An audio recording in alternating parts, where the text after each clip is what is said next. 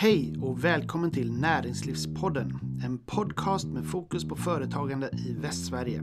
Jag heter Rudolf Antoni och är regionchef på Svenskt Näringsliv.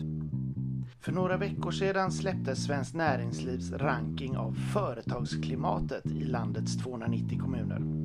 Den visar hur kommunerna ligger till i förhållande till varandra när det gäller att erbjuda den bästa platsen att driva och utveckla företag. Rankinglistor får ofta stor uppmärksamhet och det finns många mer eller mindre seriösa varianter. Men hur ska man förhålla sig till dem? Hur viktigt är det om man är tvåa eller på plats 25? För att fördjupa mig lite i rankinglistornas värld tog jag kontakt med en forskare som ofta använt sig av rankinglistor för att studera platsers attraktivitet.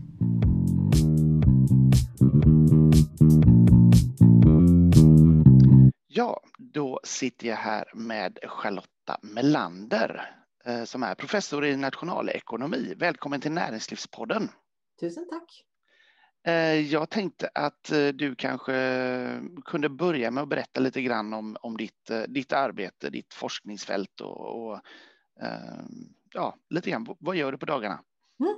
Ehm, ja, nu på dagarna så gör jag inte riktigt allt som jag brukar göra på dagarna eftersom det är speciella tider. Men om man tittar på mitt forskningsfält så är det egentligen att jag försökt förstå varför vi vill bo på vissa platser och varför vi inte vill bo på andra platser och vilka effekter det här får för platsernas utveckling. För att platser som lockar till sig ganska mycket folk får speciell, eh, en speciell typ av utveckling som på många sätt är positiv men också kommer med vissa utmaningar. Eh, men platser där så många lämnar bakom, de får överlag mycket större utmaningar och det är en svårare trend att vända. Eh, så att jag försöker dels lite grann förstå de här processerna, men också att eh, lyfta upp vilka utmaningar olika platser har för att vi ska få en bättre förståelse för att vilken tillvaro vi har påverkas väldigt hög grad av var vi bor någonstans. Som underlag för att studera det här, vad, vad använder du för något? Vad är det du forskar på för material så att säga? Jag är ju nationalekonom och är kallad kvantitativ forskare. Jag använder alltså väldigt mycket registerdata. Jag, jag, tittar väldigt mycket på hur människor de facto flyttar. Jag frågar alltså inte människor så mycket vad är det du vill ha, utan jag ser vilka är det som flyttar? Vart flyttar de? Vad kännetecknar platserna som många flyttar till?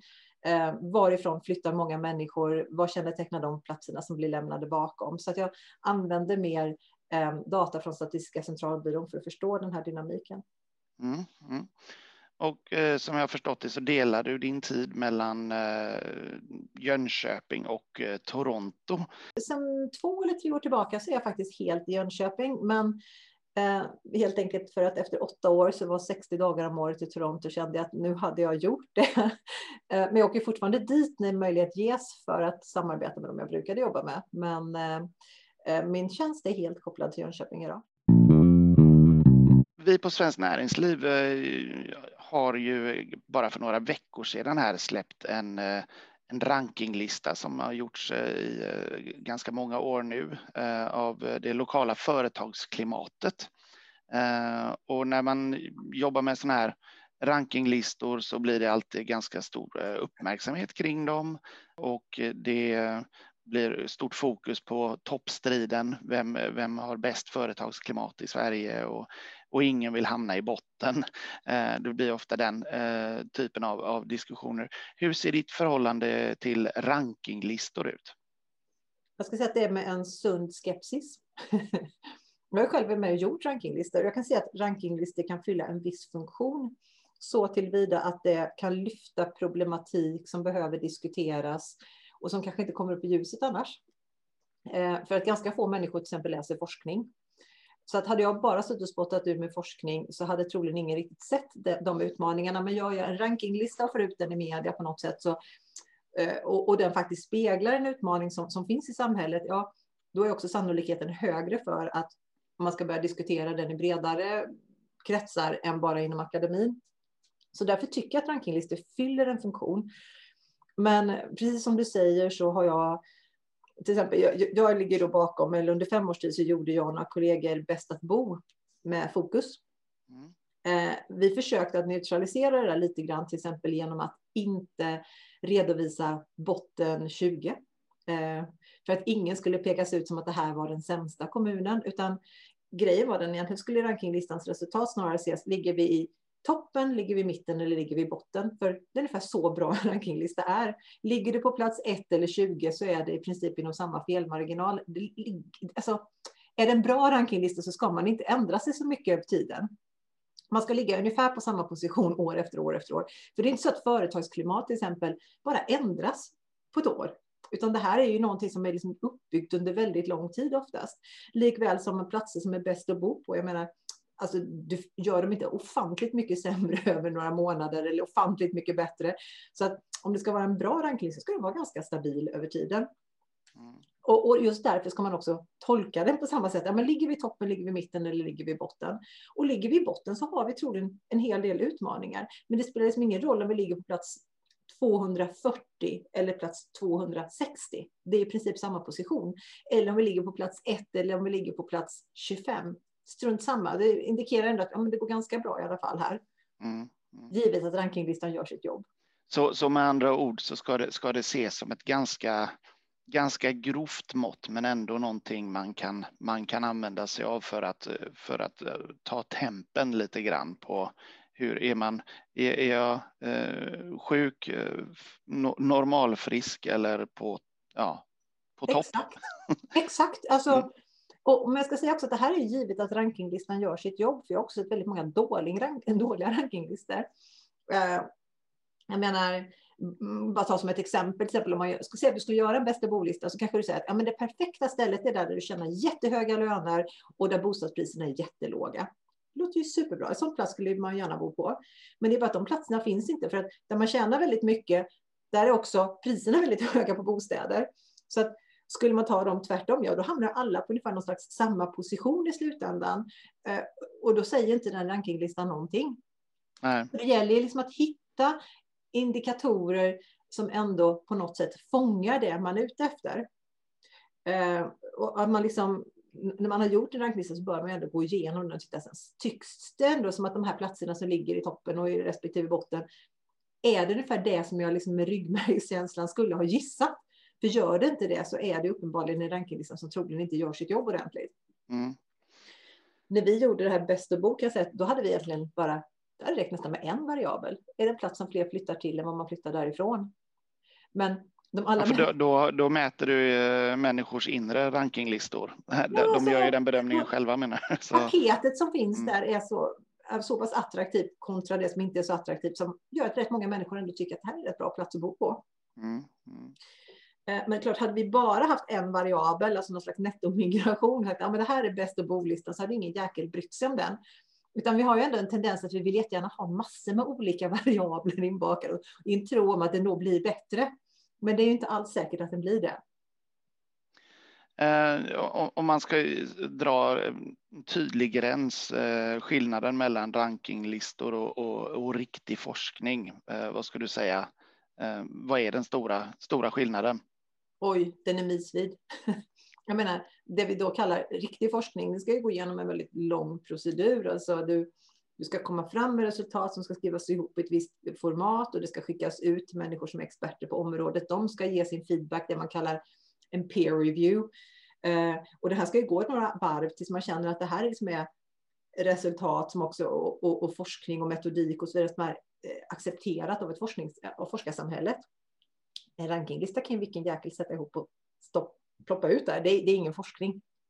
Men som du säger, det är ändå någonting som får ganska stor uppmärksamhet. Det skapar debatt och diskussion och eh, hur brukar de här tas emot? Eh, Bäst att bo till exempel, eh, när du ska ut och, och, träffa en kommun som ligger ganska långt ner på den listan. Hur, hur reagerar de? Vad, hur brukar den diskussionen se ut? Mm. Ja, men jag fick ju jätte, alltså nu är det flera år sedan vi gjorde Bäst att bo, men då fick jag ofta samtal efteråt från människor som då jobbar i de här kommunerna. Så undrar man kunde få resultaten på alla olika variabler så vill man jobba med de variablerna. Men det kanske inte är de variablerna man behöver jobba med utan det är snarare att det är en slags signal om att det finns en, all, en allmän problematik på den här platsen. Så att jag, jag tror att man variablerna ska bara på något sätt så här, fånga det allmänna läget av det man försöker att mäta. Eh, så att jag skulle haft lite mindre fokus på variablerna om jag hade varit en plats som då tar emot det här. Och istället snarare säga, ja men ligger vi i toppen, mitten, botten, eller ligger vi i botten? Ja men börja fundera på varför gör vi det istället för att då fokusera på, fokusera på hur kan vi bli bättre på bara de där variablerna? Mm. Finns det någon, eh, någon risk med, med rankinglistor? Att eh, de tolkas på fel sätt eller används på fel sätt? Absolut, massor. Eh, men just det att man bokstavstolkar dem tycker jag är kanske den största problematiken. Om man, här, varför föll vi fem placeringar från förra året? Ja, men det innebär att du ligger ungefär på samma plats som förra gången. Eh, det är inte ens ett fall, det är inom felmarginalen. Eh, ja, men just det här liksom bokstavstolkningen, man börjar gå in på variablerna mycket mer och man försöker liksom att tolka väldigt mycket i väldigt små förändringar, vilket är i, egentligen inte av något värde alls. Men, men, men som sagt, jag tycker att den fungerar bra istället som en slags signaleffekt. Men jag tycker också att man ska ha en, en slags skepsis mot de här listorna. Så om man tittar på rankingen som helhet, de som är topp 20-25 placerade, är det platser som jag instinktivt skulle tänka att i ert fall till exempel har ett väldigt bra företagsklimat. För är det inte det, ja men då kanske inte det här är en så himla bra rankinglista i alla fall som vi kanske inte borde ta hänsyn till på något sätt. Om, om man eh, lyfter eh, blicken lite grann och, och eh, ser till eh, generella tendenser i, i, i världen just nu så eh, inte minst på andra sidan Atlanten så har det ju blossat upp en, en eh, diskussion eller debatt kring det här med ett visst vetenskapsförakt, fake news, fakta versus tyckande. The so called professor används som ett begrepp och sådär. Mm. mm. Är det här någonting som du har märkt av på något sätt? Nej, inte personligen kan jag inte säga att jag har, har, märkt av det. Jag tror att situationen är något annorlunda i Sverige. Att USA, även om Sverige är polariserat så är USA mycket mer polariserat. Men jag tror liksom att om vi då kallar det, det så kallade etablissemanget har haft en läxa att göra egentligen som man missade att göra och det är att Alltså senaste åren har väldigt många fått det bättre, men alla fick det inte bättre. Och vi tittade på genomsnitten och sa titta, titta vad mycket bättre det går, men alla platser och alla individer fick det inte bättre. Eh, och, och, jag tror att man inte riktigt förstod den variationen som fanns både geografiskt och inom vissa platser, inte tillräckligt väl i alla fall, som gjorde att det uppstod ett väldigt stort missnöje. Och när då människor som det har gått bra för sig tittar hur mycket bättre det går och man känner att det här gäller ju inte mig, så tror jag att det kan vara en ganska bra grogrund för att eh, ja, men misstro de som säger detta. Mm. Och det, det, leder till eh, ett spillover-effekt på, på all eh, forskning egentligen då, att man, man alltså är jag, inte lika benägen att tro på det. Nej, men jag tror att man eh, kanske då liksom Eh, vi, vi, gjorde en undersökning, jag och några kollegor nu, där vi fick låna Handelskammaren i Stockholms data. De gjorde en undersökning där man frågade synen på Stockholm. Eh, och, och så frågar man om en rad olika faktorer, ja, men som, om individerna själva, men också om man liksom trodde på vetenskapen, om man trodde på på olika institutioner i samhället, politiker, media och så vidare. Ofta går ju alla de där hand i hand så att säga. Alltså misstror man den ena så misstror man oftast de andra också. Jag tror att det är liksom en, en allmän känsla av att vara kanske lite bortglömd, att vara lite eh, satt åt sidan samtidigt som resten av världen springer ifrån en på något sätt och ingen riktigt hör mina behov. Och, och, det tycker jag är problematiskt i sig. Och det, det, är lite grann därför jag försöker lyfta upp till exempel den stad-land-debatten så mycket jag kunnat i media de senaste åren. För att städerna har gått jätte, jättebra, men det har också samlats otroligt mycket, eh, ja, men både makt och, och, journalister och politik och så vidare i de här städerna. Och jag tror inte riktigt de hängde med på hur det gick på många andra platser runt om i landet, att de inte alls hade samma vardag som det man hade när man bodde i en större stad. Alltså, jag menar, bor du i Stockholm så är det liksom inte frågan om du ska kunna åka till ett sjukhus om du blir sjuk. Det kanske är liksom en hög beläggning på sjukhuset, men det kommer finnas ett sjukhus där i alla fall. Mm. Eh, barnen kommer att ha en skola som du kan skickas till. Det finns poliser i kommunen, men bor du på många mindre platser så är inte det här en självklarhet längre. Och, och att inte den problematiken överhuvudtaget diskuterades som en utmaning tror jag många av de här platserna var oerhört irriterade på. Mm det är ju en intressant fråga i sig det här med, med eh, stad, land. Upplever du att, eh, att, det har, att insikten om den här problematiken har ökat? Ja, det tror jag att den gjorde och jag tror att, eller att, den, att insikten har ökat. Och en anledning tror jag var valet av Trump, där man såg att de här platserna som kännetecknades av att kanske vara lite bortglömda, lite lämnade bakom, att han fick mycket, mycket mer stöd på de platserna. Eh, Brexit likaså var ju egentligen ett utslag av samma typ av fenomen. Mm. Och jag tror att det var lite wake-up call för, för många politiker. Och liksom, helt plötsligt så var det många som då inte skulle åka till Almedalen längre, utan ja, men vi åker på en Sverige-turné istället. Vi behöver komma ut i hela landet. Jag tror att man förstod att det här är en fråga vi måste ta på allvar, för annars riskerar det också att slå tillbaka mot de platserna som idag går väldigt bra. Mm.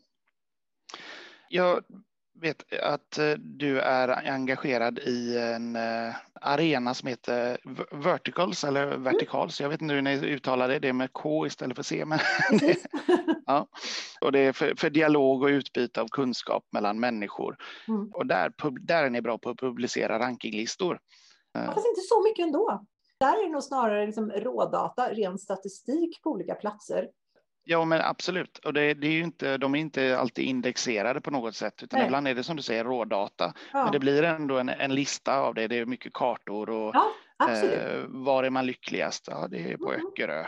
Eh, bäst på integration i Lerum. Jag har en mm. lista här så jag tittade. Ja, eh, bästa kommunen att fira midsommar i coronatider, Gotland. Eh, bästa, att, eh, bästa kommunen att vara singel om man vill hitta en partner i Stockholm. Absolut och bäst eh, kommun att fira jul i är Åre. Ja, eh, man kan säga att de grejerna du lyfter upp där, ja. Eh, det har egentligen varit ett sätt att försöka få människor att upptäcka bloggen. Ja. Man kan säga att, jag ska säga att 90 procent av det som publiceras är egentligen ganska forskningsrelaterat.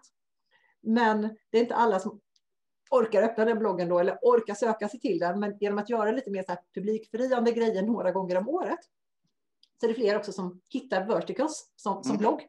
Mm. Um, så att, och vi försöker alltid vara väldigt tydliga med när vi gör den där typen av rankinglistor att det här är mest en plojgrej. Mm. Uh, när det är en plojgrej. Ja, nej, absolut, jag förstår det, men det sätter lite grann ljuset på, på ändå betydelsen av eh, rankinglistor och eh, att det är ett sätt, en, en, en, ett sätt att få uppmärksamhet kring en fråga. Absolut. Och få igång en faktiskt väldigt givande diskussion kring utveckling och vad, vad som är bra och vad vi kan bli bättre på. Exakt, och det är ju så, så att säga, som, som de används då och då in på den bloggen för att liksom, ja, men göra lite mer lättsmält, eh, få lite fler människor att upptäcka någonting som kanske ändå i grund och botten är en, en utmaning som behöver diskuteras, eh, men som kanske inte hade läst det om det hade varit lite tyngre. Mm. Jag måste ställa frågan ändå.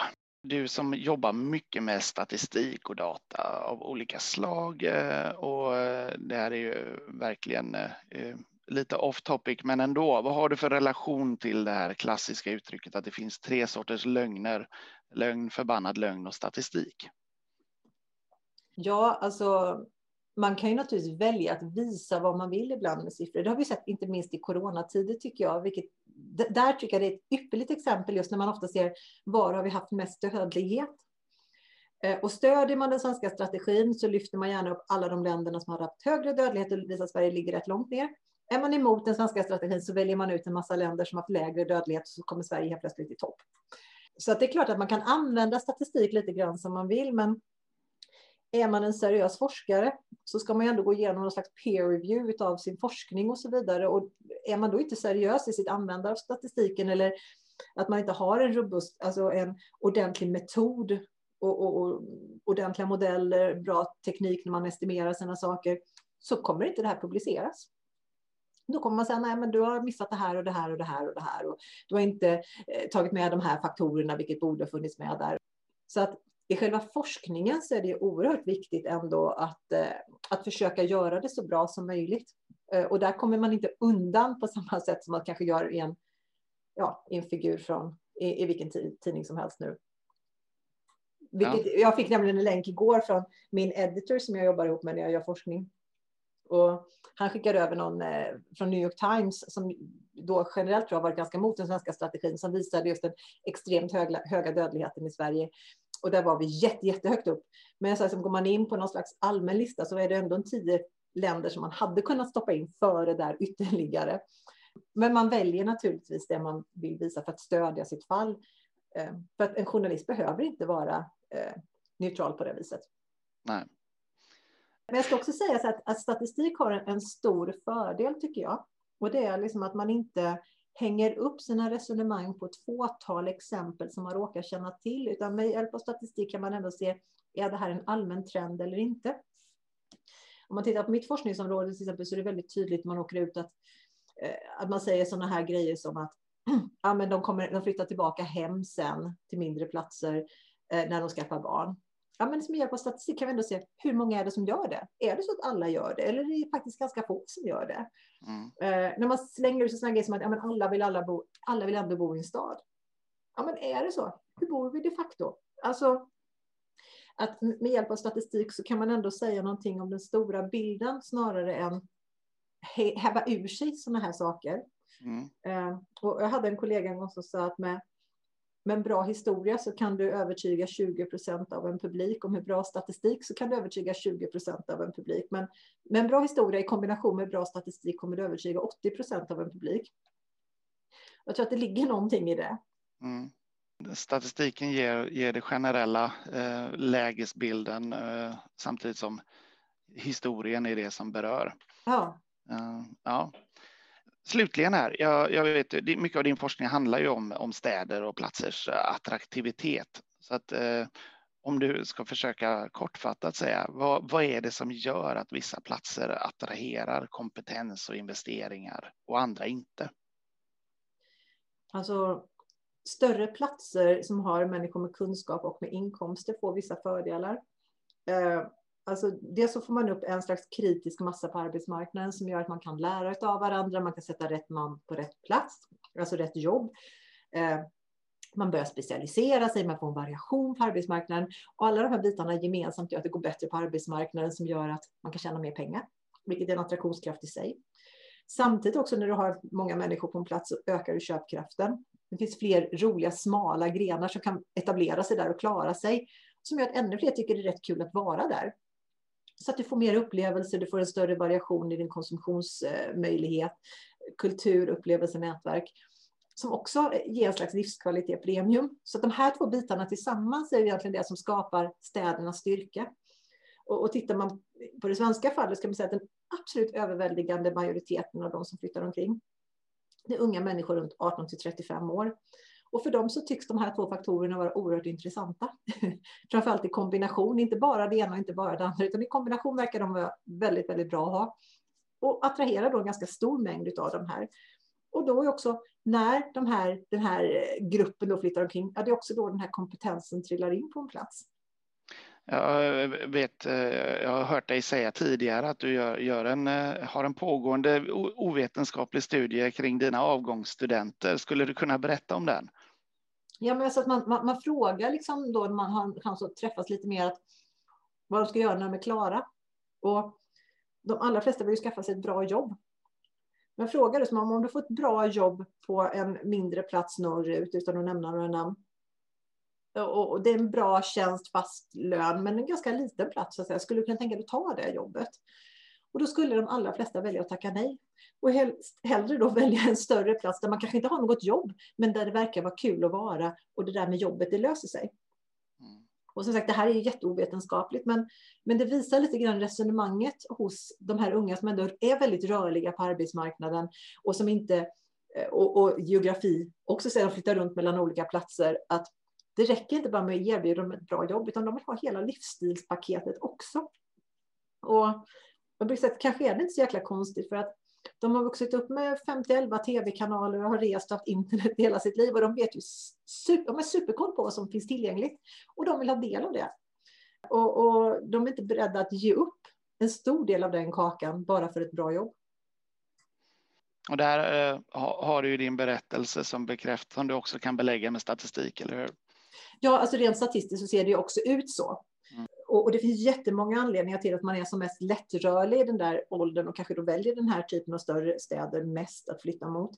Eh, för det finns ju egentligen alltså, tre grundläggande anledningar till att flytta under de åren. Dels man flyttar för utbildning, man flyttar för jobb och man flyttar för livsstil. Man kan säga att alla de tre faktorerna är starkare i större städer. Så det finns liksom en naturlig anledning att dra sig mot de platserna. Men sen är inte det samma sak som att säga att alla vill flytta till större städer, för det finns ju andra värden också. Vissa vill hellre ha natur. Då flyttar man mot den typen av plats som kan erbjuda vacker natur och liksom frilufts, friluftsliv. En del tycker att det är väldigt viktigt att komma hem till mamma och pappa igen, kanske när man ska börja bilda familj. Ja, då flyttar man åt det hållet också. Men överlag är de inte tillräckligt många för att göra avtryck på sina platser. Ja, eh, det, jag sa slutligen med den frågan, men jag har en kompletterande fråga där. Det, varsågod, vi kör. Och det, eh, och det är i relation till den situationen vi är idag. Eh, de här trenderna som du har följt under lång tid med eh, flyttmönster och vad som attraherar och så där kan ju, det finns ju de som, som eh, i alla fall tror att den här pandemin och digitaliseringen som verkligen tagit fart ordentligt nu, kommer det att påverka de här mönstren på något avgörande sätt tror du? Om vi med de här mönstren menar urbaniseringen så tror jag inte att det kommer göra det överhuvudtaget. Bara på några års sikt så är vi tillbaka igen. Eh, och det är klart att när jag säger det så är det ren spekulation, för det är ingen som vet vad som kommer att hända framöver. Men vi har haft pandemier förut och städerna har alltid stått kvar och städerna har alltid vuxit sig starkare efteråt. Eh, vi har haft världskrig som har slått hårt mot städer. Vi har haft städer som har bombats sönder och byggts upp igen. Det är jäkligt svårt att ta koll på städer. Sen kan man ju hävda då att ja, men vi har ju teknologi nu som vi inte hade då. Men den här teknologin har också funnits under rätt lång tid nu och det har inte heller fått urbaniseringen att upphöra. Så att jag tror att eh, även om vi nu tillfälligt då kanske inte vill vara så jättenära nära varandra och inte borde vara så nära varandra så kommer inte pandemin att vara för alltid. Jag tror att det finns en grundläggande mänskligt behov av att vara i kontakt med varandra. Eh, och jag tror inte det försvinner på ett år eller två. Utan jag tror att vi kan ganska säkert räkna med att urbaniseringen kommer att, att förbli även efter att den här pandemin är över. Det får bli slutorden. Charlotta Melander, stort tack för att du medverkade i Näringslivspodden. Tack för att jag fick vara med. Efter samtalet med Charlotta Melander kände jag att jag ville diskutera Svenskt Näringslivs ranking av företagsklimatet. Hur ska man se på vår mätning och vad ger den oss för kunskap egentligen? Så jag hörde av mig till en som har järnkoll på allt som har med den undersökningen att göra. Då sitter jag här och eh, tänkte föra ett litet samtal med Björn Lindgren som är avdelningschef, politiker och lokalt företagsklimat på Svenskt Näringsliv. Välkommen till Näringslivspodden. Ja, men tack så jättemycket. Du är den som är huvudansvarig för Svensk Näringslivs mätning av det lokala företagsklimatet och den eh, kommunranking som eh, publiceras årligen. Eh, du har nu lyssnat på det här resonemanget eh, som Charlotta Melander för. Vad har du för eh, reflektioner? Ja, jag, jag tycker att hon för en, en väldigt eh, många kloka resonemang i det här och jag fastnar för några av det begrepp hon använder och ett av dem är ju sund skepsis man ska se på den här typen av rankingar. Och det tycker jag ligger väldigt mycket i det. Eh, vårat arbete handlar om både att göra en, en bredare undersökning, att ta fram en, en ranking utav, av kommuner och att även då ta fram massa eh, arbetsmetoder eh, som kommunerna kan jobba med. Till exempel guider och våra regionkontor som är ute och träffar eh, och ge, genomför gemensamma analyser med kommunerna för att man ska kunna brotta ner och borra lite djupare in i förutsättningar som enskilda kommunerna. Så att jag tycker att, att det, det, är viktigt att just ha det förhållningssättet som Charlotta lyfter fram. Att titta på vad säger egentligen en sån här undersökning och vad betyder den för oss? Och hur kan vi då använda den för att på olika sätt utveckla arbetet i våra kommuner för att bli bättre möta upp till de behov som företagen har runt om lokalt i vår kommun. Är det så som du tycker man som kommun bör se på sitt resultat i eh, Svenskt Näringslivs eh, mätningar? Är det som ett, ett utvecklingsredskap? Ja men det tycker jag eh, är huvuddelen i det här. Alltså, som jag nämnde så har vi både undersökningen och, och jobbar gärna tillsammans med kommunerna för att se vad, vad det betyder. Och så har vi även rankingen som är en viktig del för att lyfta upp frågorna på bordet, eh, visa på hur pass betydelsefullt det här är, men också för att kommunerna ska kunna jämföra sig lite grann med andra eh, kommuner. Eh, vi har ju där som hjälpmedel då en, en hemsida där det går väldigt väl att jämföra sig med de kommuner man tycker är mest relevant för sin egen del. Det till exempel går att jämföra med de kommuner som är i samma kommungrupp som eh, SKR delar in kommunerna i. Men man kan också själv välja ut vilka kommuner som man tycker är mest relevant att jämföra sig själv med. Och på så sätt så kan man använda den här standardiseringen som vi gör i form av rankingen men välja vilka kommuner man tycker är mest relevant att, att jämföra sig med. Mm. Vad, vad, tycker du att undersökningen tillför för värde rent kunskapsmässigt? Men, alltså, grundläggande värdet är att lyfta upp de här frågorna och, och ge ett, eh, ett, redskap och verktyg för kommunerna att se hur man kan jobba vidare. Eh, nu har vi också hållit på så pass länge. Eh, I nuvarande form så är det väl 20 året som vi gör den här undersökningen och det ger ju en möjlighet att också jämföra över tid.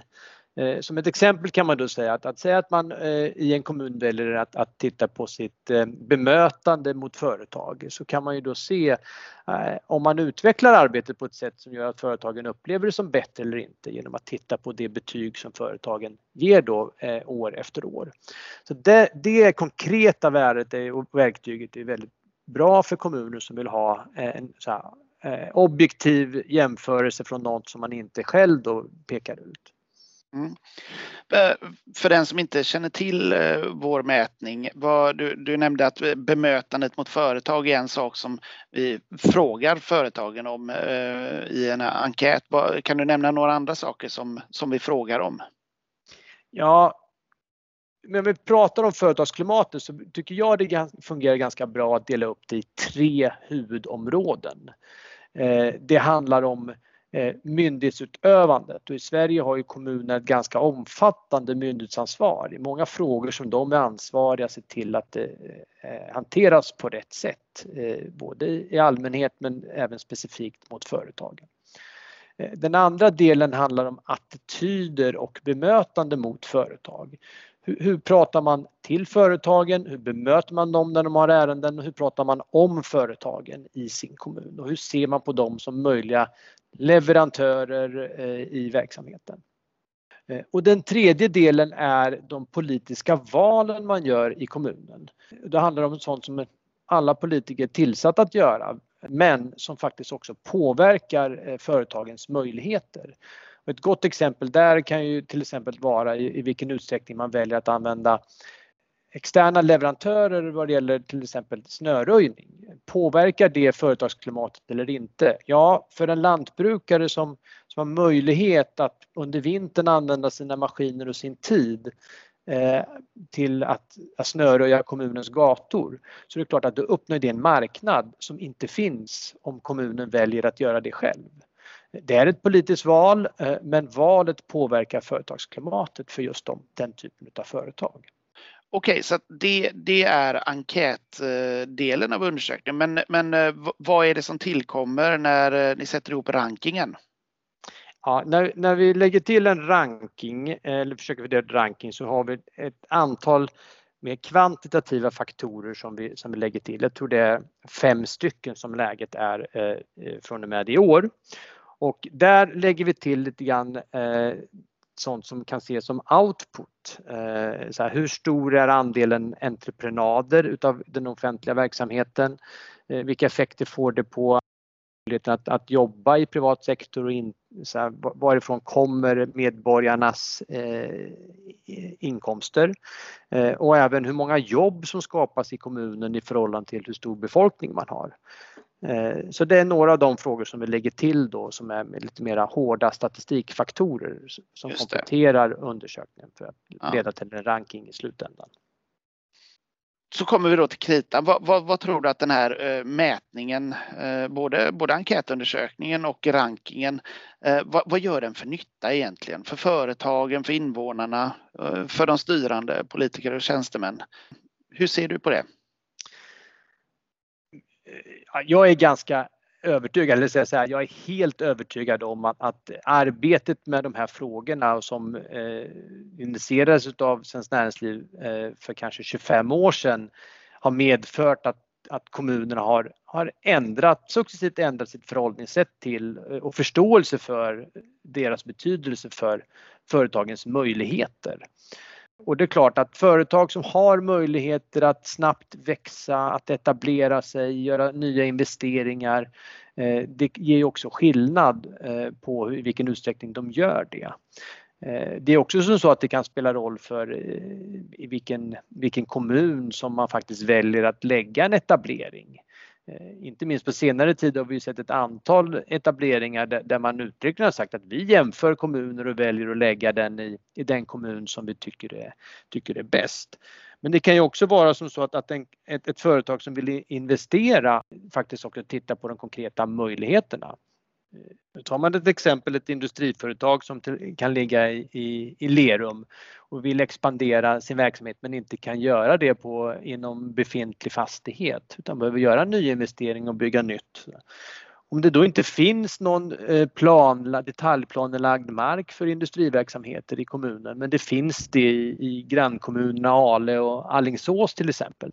Det är klart att då kan det göra skillnad på ett, två år innan, eh, kanske ännu mer innan det är möjligt att starta en investering i, i, i Lerum. Men det går att göra det ganska omgående i Ale och Allingsås.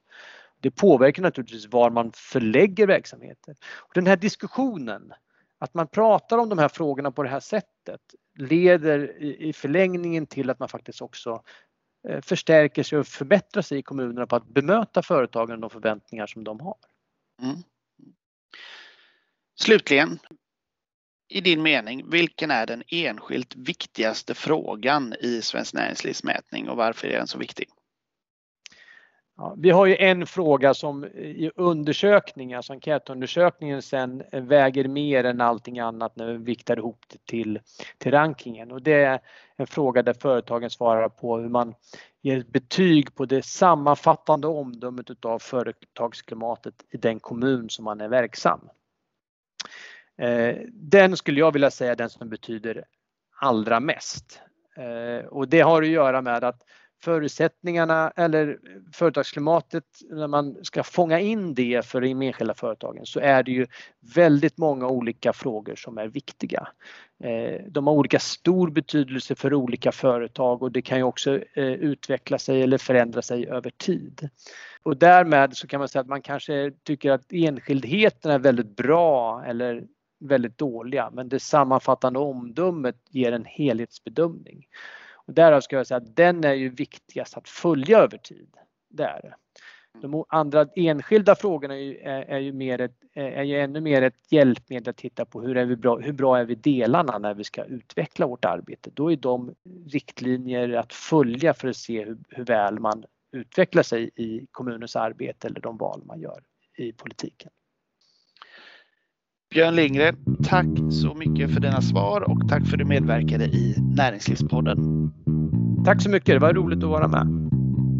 Du har lyssnat på Näringslivspodden, en podcast om företagande i Västsverige. Jag heter Rudolf Antoni och är regionchef på Svenskt Näringsliv.